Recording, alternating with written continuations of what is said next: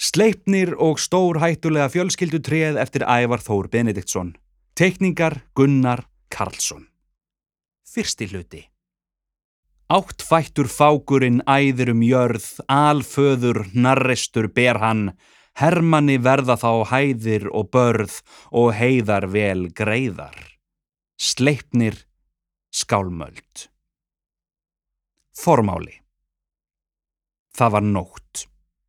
Mjói maðurinn stóð í fjörunni og horði út yfir tinnu svart hafið.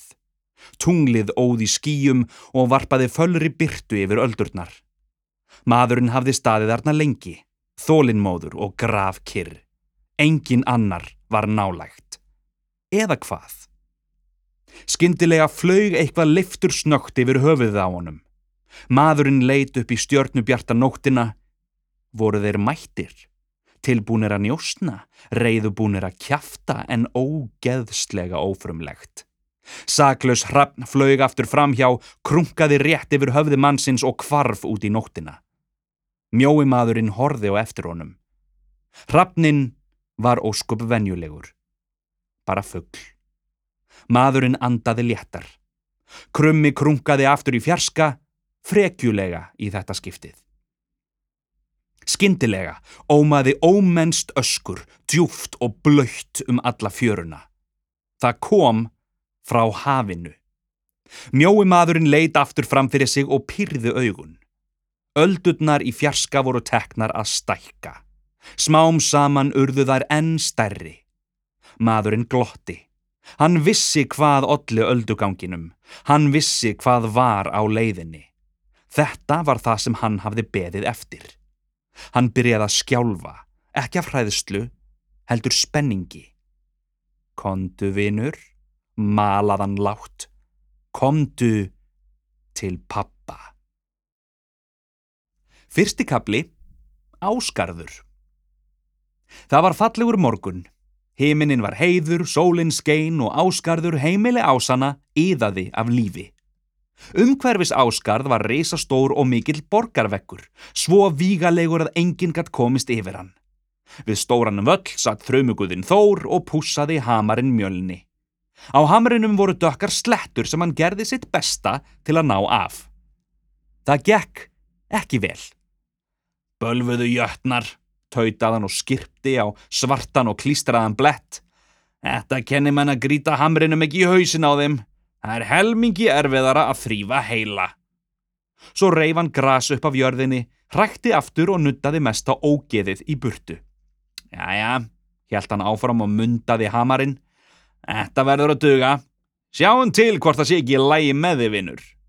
Því næst greip hann um skaftið á mjölni, sveiplaði sér leiftur snögt í þrjá hringi og grítti hamrinum eins fast og hratt og hann gatt. Með kvelli sem hljómaði eins og einhver var að klappa saman lofunum flög mjölnir á fullri ferð yfir stóran völlin. Ef eitthvað hefði verið fyrir honum hefði það tæst í sundur. Þór brosti ánaður með sjálfum sér, klóraði sér annars hugar í þjættur rauðu skegginu og lifti upp annari hendinni. Mjölnir kom umsvifalust svífandi tilbaka. Þór greipan auðveldlega og glotti. Fullkomið, tilkjent hann hátiðlega.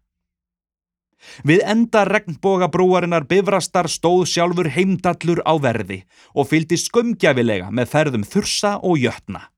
Engin sá betur en heimdallur og þess vegna var honum einum treyst fyrir þessu mikilvæga verki. Hann gáði og glafti, góndi og gæðist. Allan daginn, allar nætur. Ef þú hefur einhvern tíman farið í störukeppni veistu að það getur verið þreytandi til lengdar. Ímyndaðu þér að vinna við það að stara. Það er öruglega ríkalega líjandi. Heimdallur notaði þess vegna oft tækifærið til að kvíla sig. Dagurinn í dag var engin undantekning. Eftir rúman hálftíma komst hann að þeirri niðurstöðu að engin hættulegur var í nálagt og ákvað þess vegna að fara í sólbað. Það væri náttúrulega algjör vittleisa að nýta ekki þetta góða veður. Hann valhoppaði káturinn í húsið sitt, heiminbjörg, til að ná í smá sólarvörn. Með háu gargi tókust hrafnarnir hugin og munin á loft frá valhöll og allir sem sáu til þeirra vissu að þeir stemdu til miðgarðs, heims mannfólksins. Þar ætluðu þeir að njósna um ferðir karla og kvenna, barna og dýra. Frettonum myndu þeir svo kvísla að óðni alföður. Óðin var sjúkur í slúður og beigð spentur á hverju kvöldi eftir að hrafnandi tveir svefu aftur í heimahús. Þessa dagana fylgdust þeir með snældu vittlösum vikingi frá Íslandi sem var svo óþekkur að Óðinn hafði aldrei vitað annað eins. Egil hétt hann víst og var stór hættulegur. Óðinni fannst fátt skemmtilegra en snældu vittlösir og stór hættulegir Íslendingar. Einu sinni hafði hann á tvo bræður, Vila og Vje, sem hann gatt kjaftað við langt fram á nætur en þeir voru löngu hornir. Nú spjallaði hann bara við krumma. Ásinnjan yðun veifaði til hrafnana þegar þeir flugu yfir höfuðið á henni og brosti með sjálfri sér. Hún held á tómri körfu og stemdi í áttina að lítilli trjáþyrpingu sem stóð á hól skamt frá valhöll. Hún heilsaði verðinum sem gætti þyrpingarinnar og gekkað lágu tré í henni miðri. Á hverju einustu grein voru stór og safarík gull eppli sem yðun týndi reglulega. Epplin voru æsku eppli og það besta sem æsitnir í áskarði fengu að borða. Án þeirra myndu allir hér um slóðir eldast og deyja. En ef goðin voru duglega að borða matinn sinn gætu þau lifað um aldur og eilífð. Yðun tróðfylti körfuna og gekk vösk aftur heim í hús. Kanski ég geri eplaköku úr þeim, svona til tilbreytingar, hugsaði hún með sjálfri sér og brosti. Þjálfi og röskva, mennsk sískinni sem þrumuguðin Þór notaði sem sérstaka aðstóðaramenn sína, gengur hlið við hlið eftir óljósum vegslóða í áttina að úti húsum áskarðs. Það þurfti að gefa geithöfurunum hans að geta og þeir urðu svakalega pyrraðir ef þeir fengi ekki morgunmatinn sinn á réttum tíma. Tanngristnir og tangnjóstur voru sko algjörar drama geitur. Valkyrjurnar, stríðskiðjur áskarðs komu marserandi út úr hýpilum sínum og tegðu úr sér. Allir morgnar byrjuðu eins hjá þeim.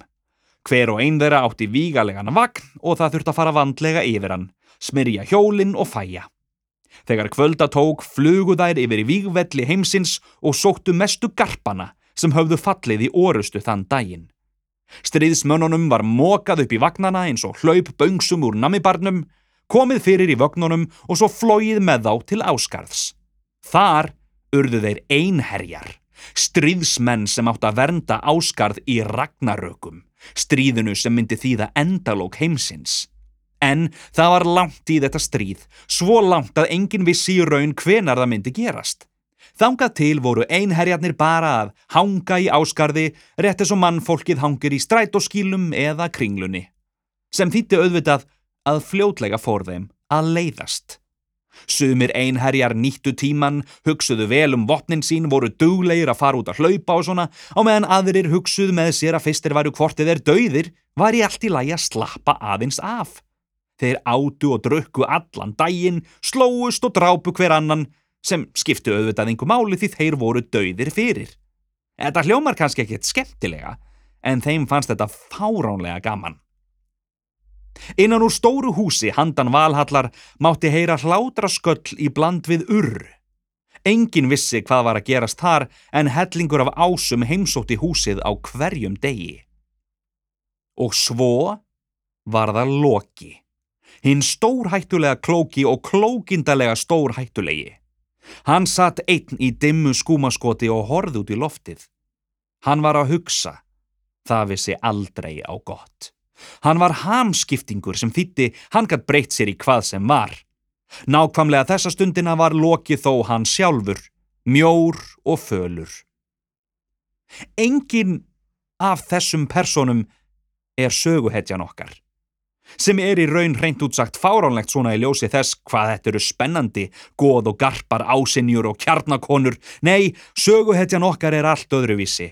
Söguhetjan okkar er hestur sleipnir. Þetta er sagan af því þegar eitt einstakt hross olli næstum því falli áskarðs.